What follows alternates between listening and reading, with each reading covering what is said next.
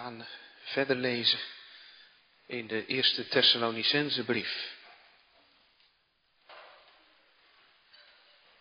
1 Thessalonicense 5, een brief over gemeente zijn in de eindtijd.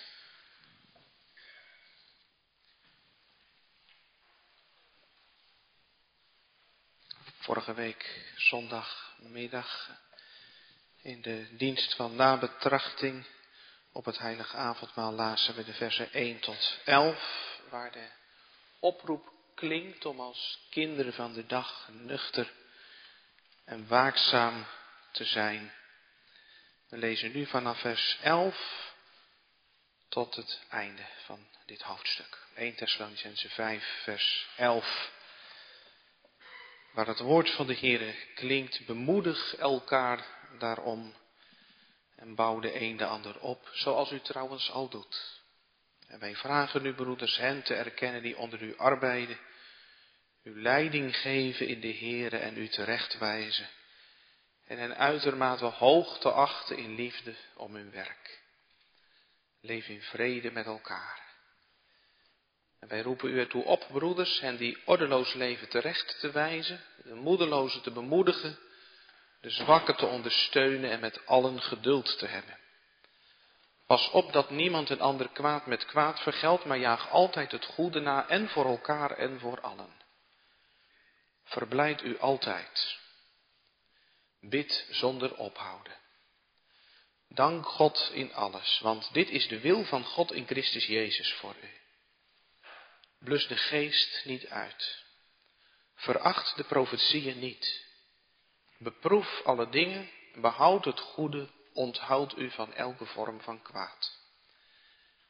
En mogen de God van de vrede zelf uw geheel en al heilige en mogen uw geheel oprechte geest, de ziel en het lichaam onberispelijk bewaard worden bij de komst van onze Heer Jezus Christus. Hij die u roept is getrouw, hij zal het ook doen. Broeders, bid voor ons. Groet alle broeders met een heilige kus. Ik bezweer u bij de Heer dat deze brief aan alle heilige broeders voorgelezen wordt. De genade van onze Heer Jezus Christus zij met u. Amen. Tot zover het woord van de Heer. We willen straks in de prediking gaan horen naar de versen 12 tot 22. En je zou kunnen zeggen dat is eigenlijk een soort uitwerking van de woorden van Paulus in vers 11. Waar de aansporing klinkt, bemoedig elkaar daarom en bouw de een de ander op, zoals u trouwens al doet.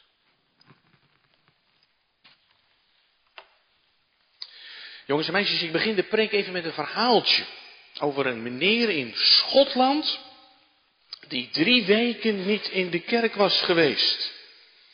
En was niet in coronatijd, dus hij kon wel gewoon elke week naar de kerk, maar hij liet zijn plek leeg. En toen kreeg hij bezoek van zijn dominee. En uh, mensen in Schotland zijn er best goed in om te zwijgen. En die man en die dominee zaten samen ook een hele poos zwijgend voor het vuur wat brandde in het huis van die man. Een kolenvuur. En na een hele tijd toen pakte de dominee een tang en toen haalde hij met die tang één kooltje uit de haard en die legde die op de haard. Nou ja, als je wel eens hebt gebarbecued met van die briketten, hè, van die kolen, dan weet je wel wat er gebeurt als je één briket apart legt. En die dominee en die man, die zaten ook samen te kijken wat er gebeurde met die kool. Alle leven, alle gloed, al het vuur trok langzaam maar zeker uit die kool weg. Het was net alsof die kool dood was. En toen stond die man op. Toen die samen had gekeken naar wat er gebeurde met dat kooltje. En toen zei hij, Begrepen, dominee? Tot zondag. Begreep jij dat ook? Wat die man begreep?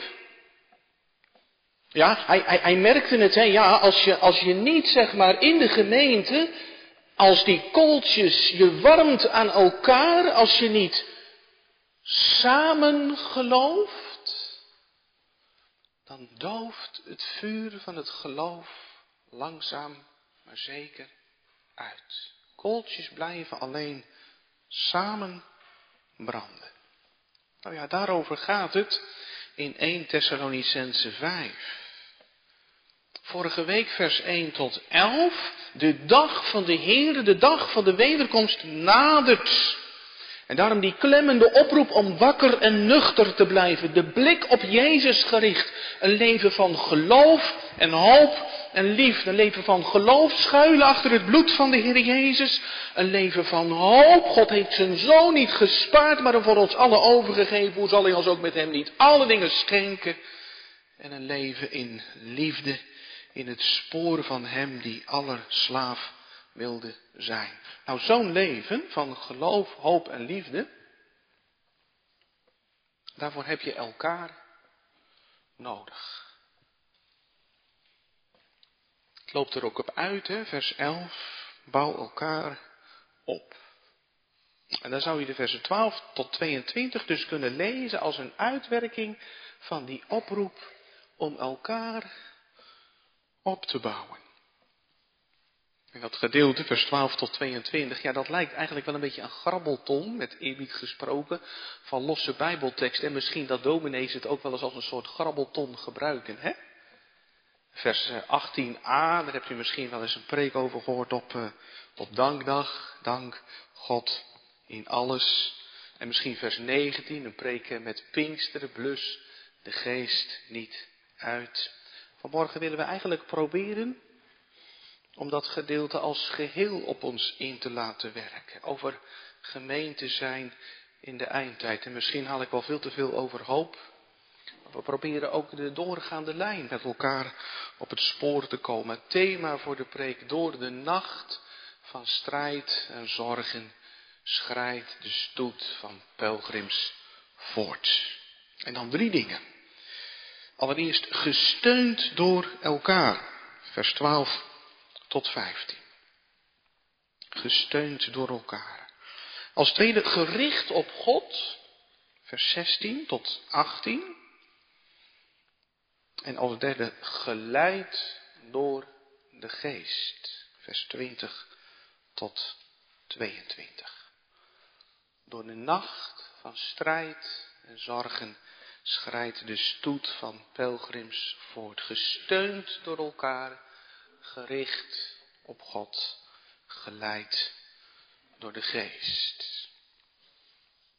Even de grote vooronderstelling van dit Bijbelgedeelte. In het Nieuwe Testament wordt de gemeente vergeleken met een gezin.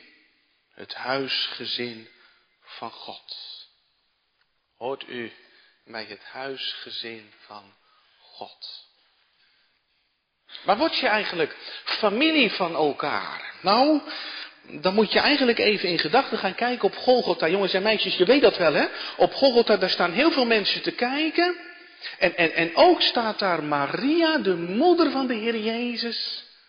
En daar staat ook Johannes, de apostel, waarvan in de Bijbel staat dat de Heer Jezus hem lief had. Blijkbaar met een heel bijzondere liefde. Hij wordt ook de apostel van de liefde genoemd. En Maria heeft in haar leven iets moeten ontdekken. Vroeger moest mijn zoon het hebben van mijn bloed in de moederschoot, met de navelstreng verbonden aan elkaar. Maar nu moet ik het hebben van zijn bloed. Hij is niet alleen mijn zoon, maar ook mijn zaligmaker. Het is een band tussen Maria en de Heer Jezus. En er is ook een band gekomen tussen Johannes en de Heer Jezus. Een liefdeband. Hij zal het laten schrijven. Wij hebben Hem lief. Omdat Hij ons eerst heeft lief gehad. Twee mensen die een band hebben met de Heer Jezus. En de Heer Jezus verbindt ze aan elkaar, terwijl ze daar staan aan de voet van het kruis. Vrouw, zie uw zoon en zie uw moeder. Ze worden familie gemaakt van elkaar. Zo word je een gemeente. Verbonden aan de Heer Jezus en dan ook verbonden aan elkaar. Nou, in Thessalonica was dat ook zo gegaan. Paulus had daar gepreekt dat er een andere koning is, een andere curios, niet de keizer, maar Jezus. En toen hadden zij zich van de afgoden bekeerd om de levende en waarachtige God te dienen en zijn zoon uit de hemelen te verwachten. Maar toen werden ze ook gegeven aan elkaar. En dat is niet iets bijkomstig, maar dat is wezenlijk voor het geloof. Hoe gaat het er aan toe in die gemeente? Je kent wel die vraag van Kain, hè? En die vraag aan Kain van God, uh, waar is je broer? En die reactie van Kain, ben ik dan de hoeder van mijn broer? Ik hoef toch niet op hem te letten? En dat moet je wel. En zo ook in de gemeente. We kunnen niet zeggen, dat moet die ander maar weten. Moet hij zelf maar uitzoeken. We zijn gegeven aan elkaar. Dat klinkt door hier. En dan vraagt Paulus eerst aandacht voor de ambtsdragers. Mensen die geroepen zijn om leiding te geven en terecht te wijzen. In het boek Handelingen zijn dat altijd de ouderlingen en de diaken. En zij zijn geroepen om leiding te geven en terecht te wijzen. En die, die, die ambtsdragers die zorgen voor de structuren in de gemeente, zodat alles met orde gaat. En dan roept Paulus op om die ambtsdragers te erkennen en te respecteren. En blijkbaar is dat iets wat niet helemaal vanzelf gaat in Thessalonica. Misschien ook wel een beetje verklaarbaar, want in de oudheid was het eigenlijk zo als er ergens een groep was, een groep burgers in een stad of noem maar op, degene die geld hadden, die een hoge sociale status hadden, dat werden dan eigenlijk automatisch ook ja, de, de leiders. Zij waren patronen, beschermheren van de groep waar ze dan leiding aan gaven. Maar in de Bijbel is het niet automatisch zo dat wie het meeste geld heeft ook leiding geeft in de gemeente. Dan gaat het erom dat je een gave ontvangt van de Heer en dat je geroepen wordt. Maar ja, dat kan dus ook wel eens botsen. Hè? Stel dat je op je werk gewend bent om lakens uit te delen. En in de gemeente, dan word je geroepen om te gehoorzamen en te volgen. Dat kan soms dan ook zomaar gaan botsen. dan moet je misschien je weg daar wat in vinden. Nou ja, wij leven in een andere tijd, maar ik denk dat wij ook boodschap hebben aan de woorden die Paulus hier schrijft in de gezagscrisis die onze tijd kenmerkt en die ook zijn weerslag heeft in de kerk. Hebben we misschien op allerlei manieren echt ook mee te maken gehad in de achterliggende periode van coronacrisis, dat uw geduld misschien helemaal op was. Amstdragers die geroepen werden om ingewikkelde beslissingen te nemen. En eigenlijk doe je het nooit goed, want de een vindt dit en de ander zegt dat. En misschien had u echt ook uw mening erover. En dan tegelijk ook de ander uitermate hoog achten en erkennen. En dat betekent natuurlijk niet dat je nooit feedback mag geven of zo. Het betekent natuurlijk niet dat je geen vragen mag stellen. Maar de toon maakt de muziek. En soms is er al heel wat gewonnen als je begint met naar de ander te luisteren. Want weet je wat ambtsdragers zijn? Dat zijn mensen die in de gemeente hun werk doen in de naam van Christus. Namens de Heer Jezus leiding geven en terechtwijzen. En daarom erken hen en respecteer hen. Niet omwille van wie ze zijn, maar omwille van hun werk. Zal er niet voor niets achter staan. Leef in vrede met elkaar. En in vrede met elkaar leven, dat betekent niet zorg dat er geen conflicten zijn, maar laat er harmonie, samenhang zijn, dat je betrokken bent op elkaar. Samen het huisgezin van God en geen los zand. En vers 14 en 15 haken daarbij aan. Daar gaat het eigenlijk over het onderling pastoraat in de gemeente. Maar dat is niet alleen maar iets voor de ouderlingen en bezoekbroeders en het pastoraal team. Als je een schaap van de goede herder wordt, door de genade van God, dan word je zelf ook een herder voor de andere schapen, een herder voor elkaar. En in de gemeente kun je eigenlijk geen consument zijn. Dat is een gedachte die helemaal strijdt met het woord. Ik zag een keer in een categorisatieboekje twee plaatjes naast elkaar van twee verschillende bootjes. En daar stond de vraag bij, wat is nou een goed beeld van de gemeente? Het ene plaatje was een gondel. En de gondelier die uh, stak zijn stok in uh, het water, in de bodem. Ja, andere mensen zaten als toeristen om zich heen te kijken. Zij lieten zich varen. En het andere plaatje was een roeiboot. En iedereen in de boot had een roeispan vast en leverde zijn bijdrage. En de stuurman bepaalde het ritme en gaf aanwijzingen. Nou, welk plaatje zou nou horen bij de gemeente? Natuurlijk die van de roeiboot, hè? Amstdragers die geroepen zijn, niet om het werk te doen, het werk over te nemen van de gemeente, maar in de woorden van de Everse brief geroepen om de heiligen toe te rusten tot het werk van dienstbetoon. Tot opbouw van het lichaam van Christus. En ieder heeft zijn roeping. En hier vind je dan een aantal concrete aanwijzingen voor het gemeenteleven. Wij zijn die ordeloos leven terecht en die ongedisciplineerd leven. In de tweede Thessalonicense brief, gaat het over mensen die niet meer werken. Het heeft geen zin, zeggen zij, want de wederkomst is aanstaande en ze laten eigenlijk alles hangen. En zij moeten terecht gewezen worden, want het is de bedoeling dat je gewoon je roeping waarneemt. Onderweg naar de wederkomst. En die ordeloos leven terecht wijzen. Ja, misschien is het bij ons juist andersom, hè? Dat je dat perspectief, die horizon van de wederkomst helemaal verliest. En dat je je tentpinnen zo vast in de grond ramt je bent druk met van alles en nog wat, zo druk. En nauwelijks tijd voor de dingen van de eeuwigheid. Wijs hen die ordeloos leven terecht. En bemoedig de moedelozen, die waren er ook in Thessalonica. Ik denk aan hoofdstuk 3. Mensen die in verwarring zijn of ze tijdens de verdrukking wel zullen volharden en de eindstreep zullen halen. Mag je elkaar wijzen op God die zo getrouw is als sterk. Of mensen die moedeloos zijn. In hoofdstuk 4, waar het gaat over gemeenteleden die gestorven zijn.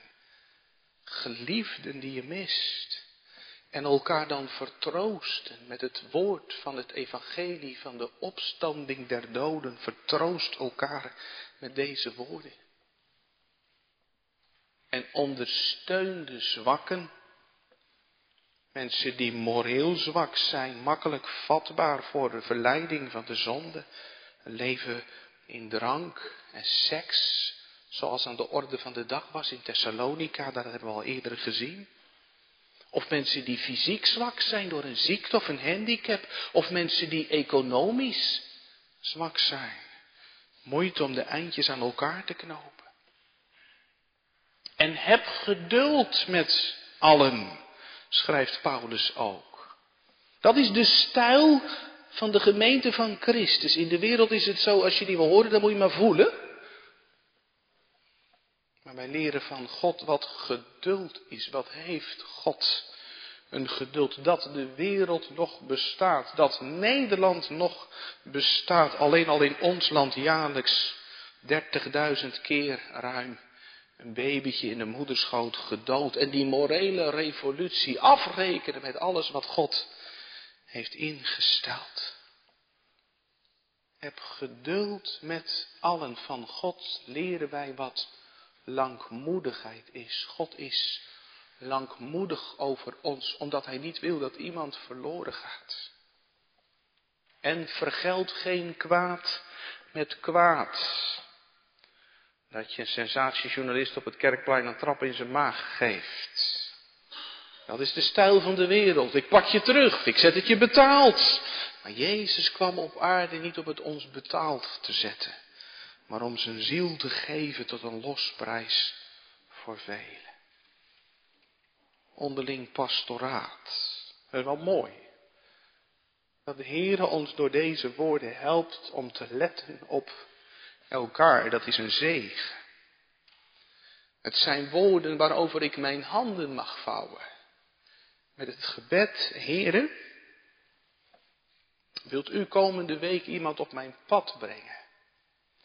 Of wilt u komende week iemand op mijn hart leggen? Die mij nodig heeft. Die ik een bemoediging mag geven. Die ik hulp mag bieden. Of die ik misschien zelfs wel vermanen moet. Uit liefde. Waarschuwen. En trouwens, dat hebt u zelf toch ook dringend nodig. Of redt u het alleen in het geloof? Als we ergens toch achtergekomen zijn in de coronacrisis, dan is het toch dit, dat geloven op je eentje niet bestaat. Ik denk aan een korenveld, een veld vol korenaren. Jongens en meisjes, als het gaat waaien over zo'n uh, zo'n veld met korenaren, dan zie je al die halmen buigen. En als er ook ergens een losse korenaar staat en het gaat heel hard waaien, dan breekt die. Maar, maar, maar dat veld van al die korenaren bij elkaar, die buigen wel, maar die breken niet, want ze hebben steun aan elkaar. Dat is een schitterend beeld voor de gemeente. Als de storm opsteekt, we hebben steun aan elkaar. En dat is volgens mij echt huiswerk. Ook voor ons als gemeente. Een collega vroeg zich dat onlangs hardop af. Is het ons in de coronacrisis wel voldoende gelukt om als gemeente werkelijk een gemeenschap te zijn? Dat vind ik een goede vraag. Dat is waartoe de Heer ons roept. Hij zegt het, hieraan zullen allen erkennen dat u mijn discipelen bent als u liefde hebt onder elkaar. Gemeenten zijn in de eindtijd gesteund door elkaar. Dat heeft ook een doel en dan komen we bij vers 16 tot 18 gericht op God. Daar klinken die drie, ja, noem het maar masorders, hè? Korte, krachtige bevelen. Verblijf u altijd, bid zonder ophouden, dank God in alles. Als je die op het eerste gehoor op je in laat werken, dan zeg je misschien, ja dat is onmogelijk om daar uh, gehoor aan te geven. Neem alleen al die ene, hè, altijd blij zijn. Het is toch niet een kraan die je opendraait en het water gaat stromen en nou ja, oké, ik moet blij zijn. Ik zet een big smile op, want, want, want, want de Heer vraagt dat van mij of zo. En als je nou ziek bent dan, of als je in de steek gelaten voelt, of als er afgrijzelijke dingen gebeuren in de wereld, misschien las u dat vrijdag ook in de krant over dominee Silas Yakubu Ali in Nigeria. Op pad gegaan voor een preekbeurt 40 kilometer bij zijn dorp vandaan. Ik moet toevallig vanavond ook 40 kilometer verderop preken, dus dan hoor je zo'n verhaal nog weer even anders. Maar hij is nooit aangekomen. Ze zijn gaan zoeken en nog geen kilometer bij zijn huis vandaan werd zijn lichaam gevonden verwond door kogelgaten en machettewonden. Een ander dorp, dertien christenen vermoord, onder wie twee zwangere vrouwen. En het gaat maar door. En Nigeria is natuurlijk maar één land in de wereld waar je omwille van de naam van de Heer Jezus gevaar loopt. En dan ook dank God in alles. Soms staat het huilen hier toch nader dan het lachen.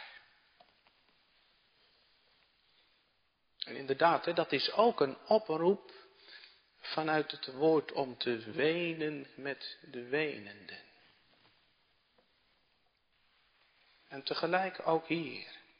Verblijd u altijd.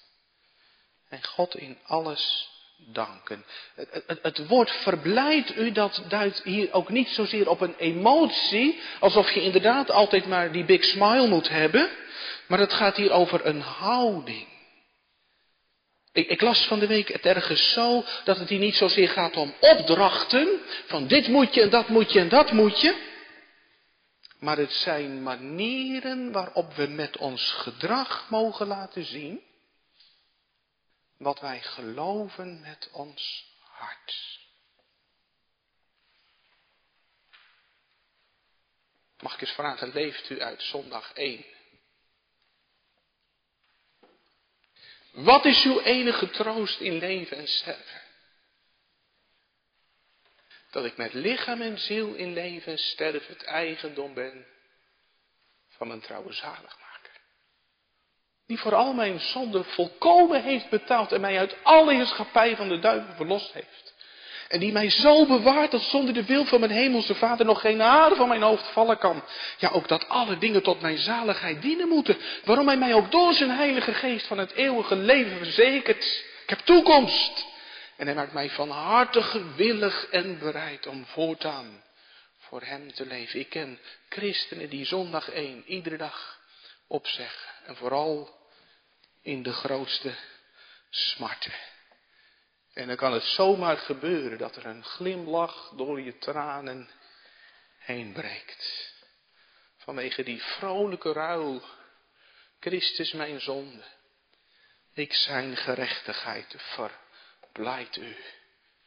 Niet omdat het leven zo leuk is altijd, maar verblijd u steeds in God. En als je nou geloven mag, Jezus komt in heerlijkheid. Zijn shalom wordt werkelijkheid. Als je dat echt gelooft, dan kun je toch zonder ophouden leven met die beden in je hart. Ik blijf de Heere verwachten. En dank God in alles. Er staat niet dank God voor alles, maar in alles, in alle omstandigheden, juist omdat ik geloof op grond van het woord dat God alle dingen laat meewerken ten goede. Voor hem die hem lief hebben. Weet u nog vorige week dankgebed van het avondmaalsformulier? Dat ene zinnetje dat we ons in het avondmaal erin mogen oefenen, dat God ons erin wil oefenen, dat wij niet twijfelen, dat u voor eeuwig onze genadige Vader zult zijn, die ons onze zonden nooit meer toerekent en die voor ons in alles naar lichaam en ziel zult zorgen als uw geliefde kinderen en erfgenamen. Maar verzekert God ons van in het avondmaal. En daarom kan ik blij zijn, verblijd zijn. Mij verblijden in de Heere, zingen, zelfs in de nacht. Johannes de Heer, die zei, christenen lijken nachtegalen, die blijven zingen tot in de nacht. En inderdaad, hè, daar heb je dat vuur van de gemeente voor nodig, daar heb je elkaar voor nodig. Want het is bij uitstek de kerkdienst die ons bewaart bij God.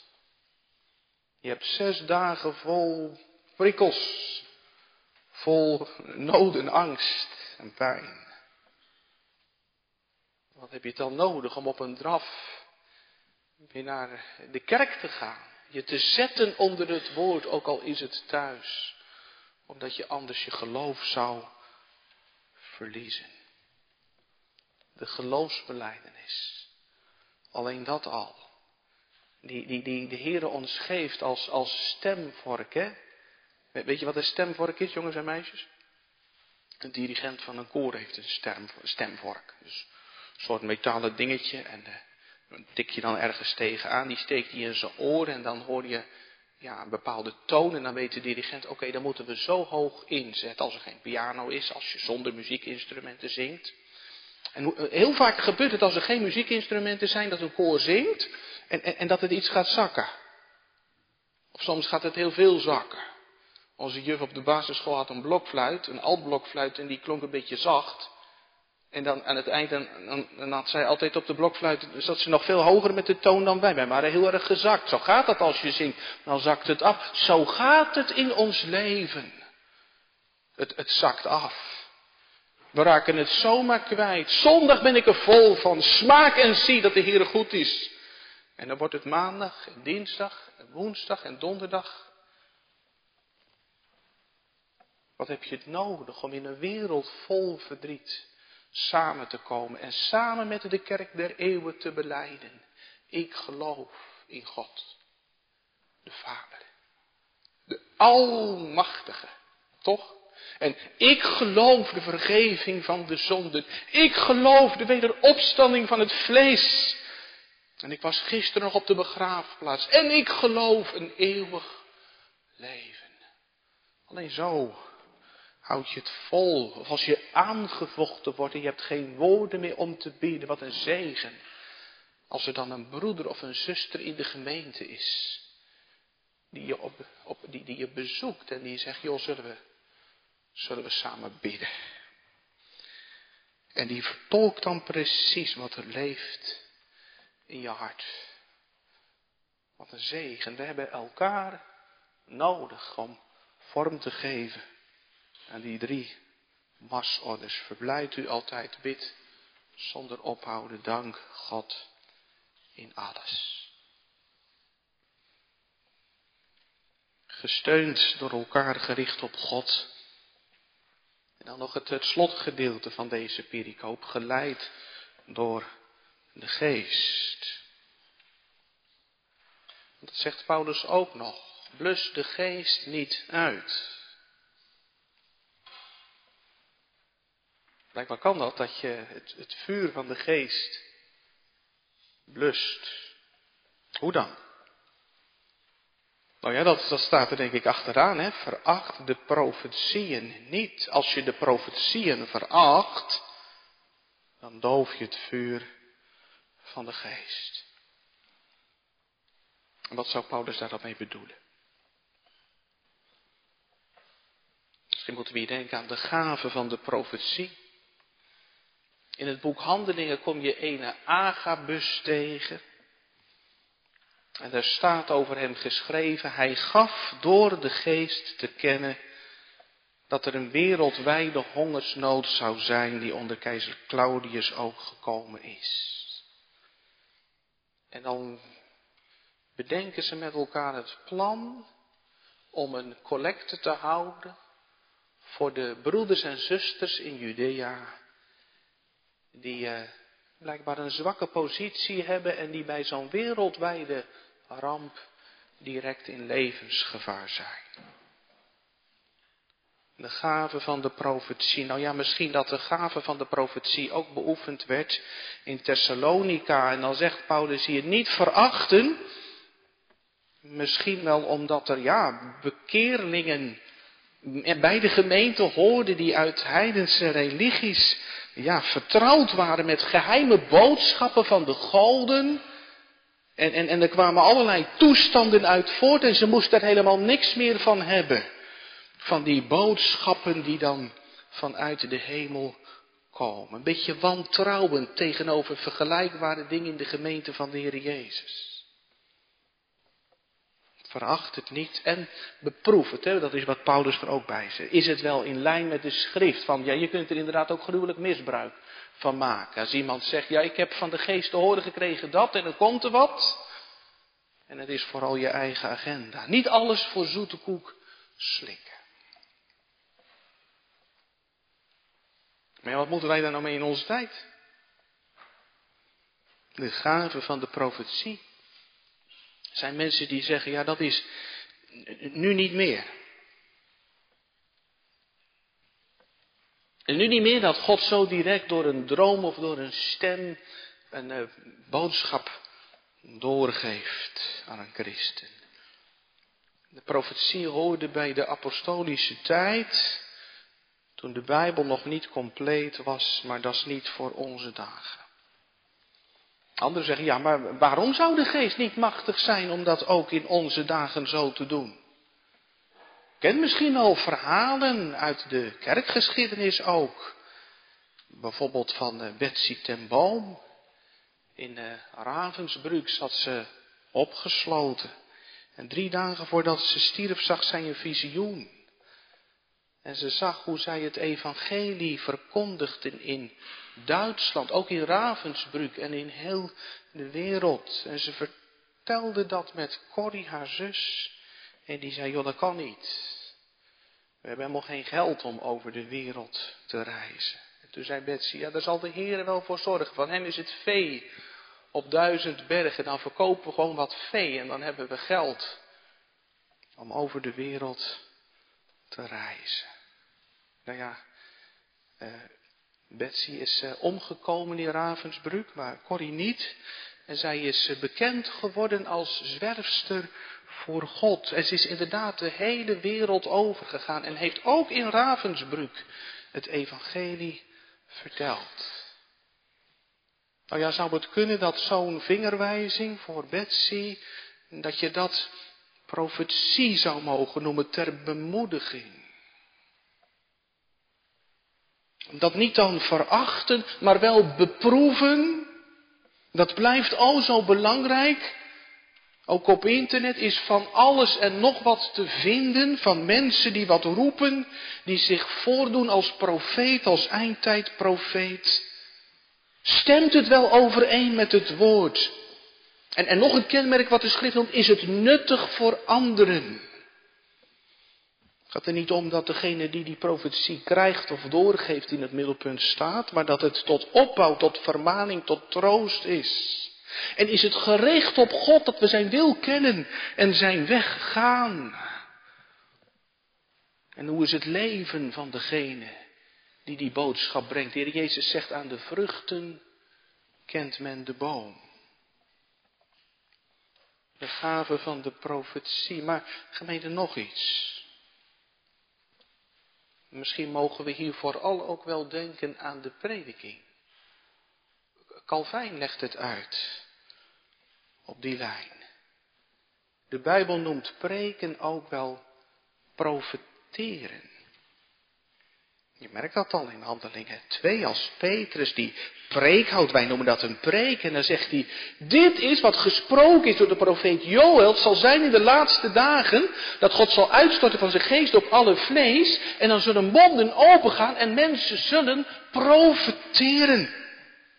En wat doet Petrus in die preek? Hij slaat de brug van de Bijbeltekst naar de tijd waarin hij leeft en naar de mensen die het evangelie op dat moment horen.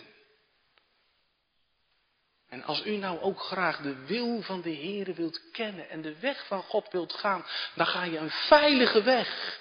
Als je niet bidt om een visioen of zo, maar als je de Bijbel opent. En als je trouw bent onder de bediening van het woord. En als je door de weeks de dienaren van het woord vol bidt. En vraagt aan de Heer om profetisch inzicht. Dat hoort bij de prediking. Dat moet ook profetische prediking zijn. Waarbij we vanuit het woord proberen de tijden te doorzien. Zodat er licht valt op onze cultuur. Die cultuur van ons, waarin we met z'n allen vooral verlangen naar een gelukkig leven. Waarin je jezelf kunt zijn. Een cultuur waarin niemand erop zit te wachten dat er een God is die ons leven oordeelt. Wij willen vooral een God die tolerant is.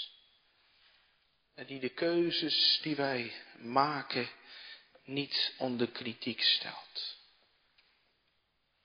Wat hebben we het nodig dat we de tijden doorzien waarin we leven? Wat hebben we het nodig dat we ook als kerkgangers voortdurend ontmaskerd worden?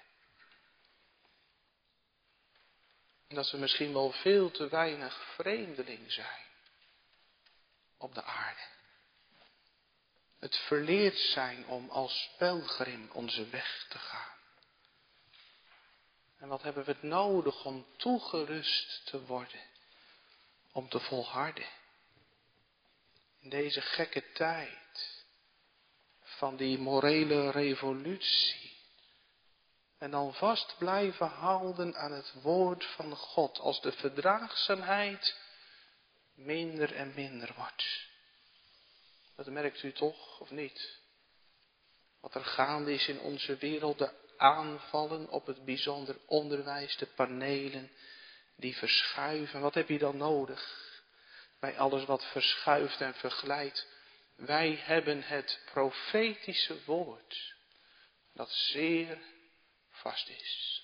En daarop moeten wij letten. Dat niet verachten. Welke plek heeft de bediening van het woord in uw leven? Kerk is geen theater. We gaan niet naar de kerk voor de sfeer. Twee weken geleden schreef meneer Piet Vergunst in de Waarheidsvriend over hè, dat preken korter worden. Vooral omdat we in de kerk ook wat onze oren laten hangen naar psychologen die zeggen, ja, mensen van tegenwoordig kunnen maar 10 tot 15 minuten geconcentreerd luisteren. En daarom gaan we naar de kerk en zeggen we eigenlijk tegen de Heere, Heere, kunt u ons in 10 tot 15 minuten zeggen wat u op uw hart hebt? En dan het liefst ook een beetje pakkend en prikkelend verwoord. Ja, als je het zo zegt, dan zeg je, ja, maar dat, dat gaat toch niet aan? Als we bij de Heer in zijn huis mogen komen, dan zijn we toch verblijd als we zijn stem mogen horen. En dan hoeven we toch niet steeds op de klok te kijken. Of de Heer niet al klaar is met wat hij te zeggen heeft. Veracht de profetieën niet, dan word je als gemeente stuurloos. Wees er biddend betrokken op, vers 25. Paulus vraagt het. In alle eerlijkheid, in alle kwetsbaarheid. En als Paulus dat al nodig had, hoeveel te meer de dominees in Woudenberg. Broeders, zusters, bid voor ons. Want ik heb het zelf niet. Prediking is de slagader van de gemeente. Zo leidt de geest ons door de tijd. U kent dat verhaal misschien van die vrouw uit Put die na de oorlog een ervaring uit de oorlog vertelde aan haar dominee. Dat ze in de kelder zat toen haar huis onder het geschutsvuur kwam te liggen en hoe ze tot God had gebeden. Had één getrouwde dochter en haar man was weggevoerd. En ze vroeg, heren, mag die jongen alsjeblieft terugkomen? Maar, maar, als het niet zo mocht wezen, en heren, mogen we er levend uitkomen. Maar, maar, maar als het niet zo mocht zijn, één ding, heren, neem de levende bediening van het woord niet uit de gemeente weg. Toen zei die vrouw tegen haar dominee, God heeft mijn gebed verhoord. Mijn schoonzoon is niet teruggekomen. Ons huis is verwoest. Maar God heeft de levende bediening van het woord bewaard in onze gemeente. Wat is het u waard? Dat het woord van de Heere klinkt. Veracht de profetieën niet. Ja, en in lijn daarmee mag je misschien ook denken hè, aan, aan, aan die gaven die de Heer ook in de gemeente geeft aan mensen die bijzonder inzicht hebben in het woord. En je mag elkaar ermee opbouwen, misschien op een bijbelkring. Tijdens een ontmoeting in een gesprek op de club tot opbouw van de ander. Tot bemoediging van de ander. Vooral ik dat toch. Dat bij alles wat er gaande is in de wereld. De poorten van de helde gemeente van Christus niet zullen overweldigen. Gemeenten zijn in de eindtijd gesteund door elkaar, brandende kooltjes, gericht op God en geleid door de geest. Dit gedeelte leest, dan zeg je misschien wat een, wat een hoge roeping. Het zou ervan terechtkomen. Bruidsgemeente zijn in de eindtijd. In een wereld waarin alle remmen losgaan. Wie zal volharden tot het einde? Nou, inderdaad, in eigen kracht wordt dat niks. Daarom is het zo mooi, hè? Dat Paulus in vers 23 zijn handen vouwt voor de gemeente. Mogen de God van de vrede zelf, uw geheel en al heilige, en mogen uw geheel oprechte geest, de ziel en het lichaam onberispelijk bewaard worden. Bij de komst van onze Heere Jezus Christus. In de handen van God is de gemeente geborgen. En hoor die bemoediging. Hij die u roept tot zijn koninkrijk en heerlijkheid is trouw. Hij zal het doen. Let op het kruis. Om zijn gemeente als bruid te werven, kwam Jezus ten hemel af en hij zal zijn werk volenden. Zo mogen we beginnen aan een nieuw winterseizoen. Als een stoet van pelgrims, vol verlangen naar de morgen, waar de hemel die pelgrims verhoort. Met één lied uit duizend monden gaan wij zingend door de nacht, door één geest, de saam verbonden, naar de kust waar God ons wacht. Die aan kruis en graf ontheven, zullen zingen lof en prijs aan de Heere van dood en leven in zijn zalig paradijs. Amen.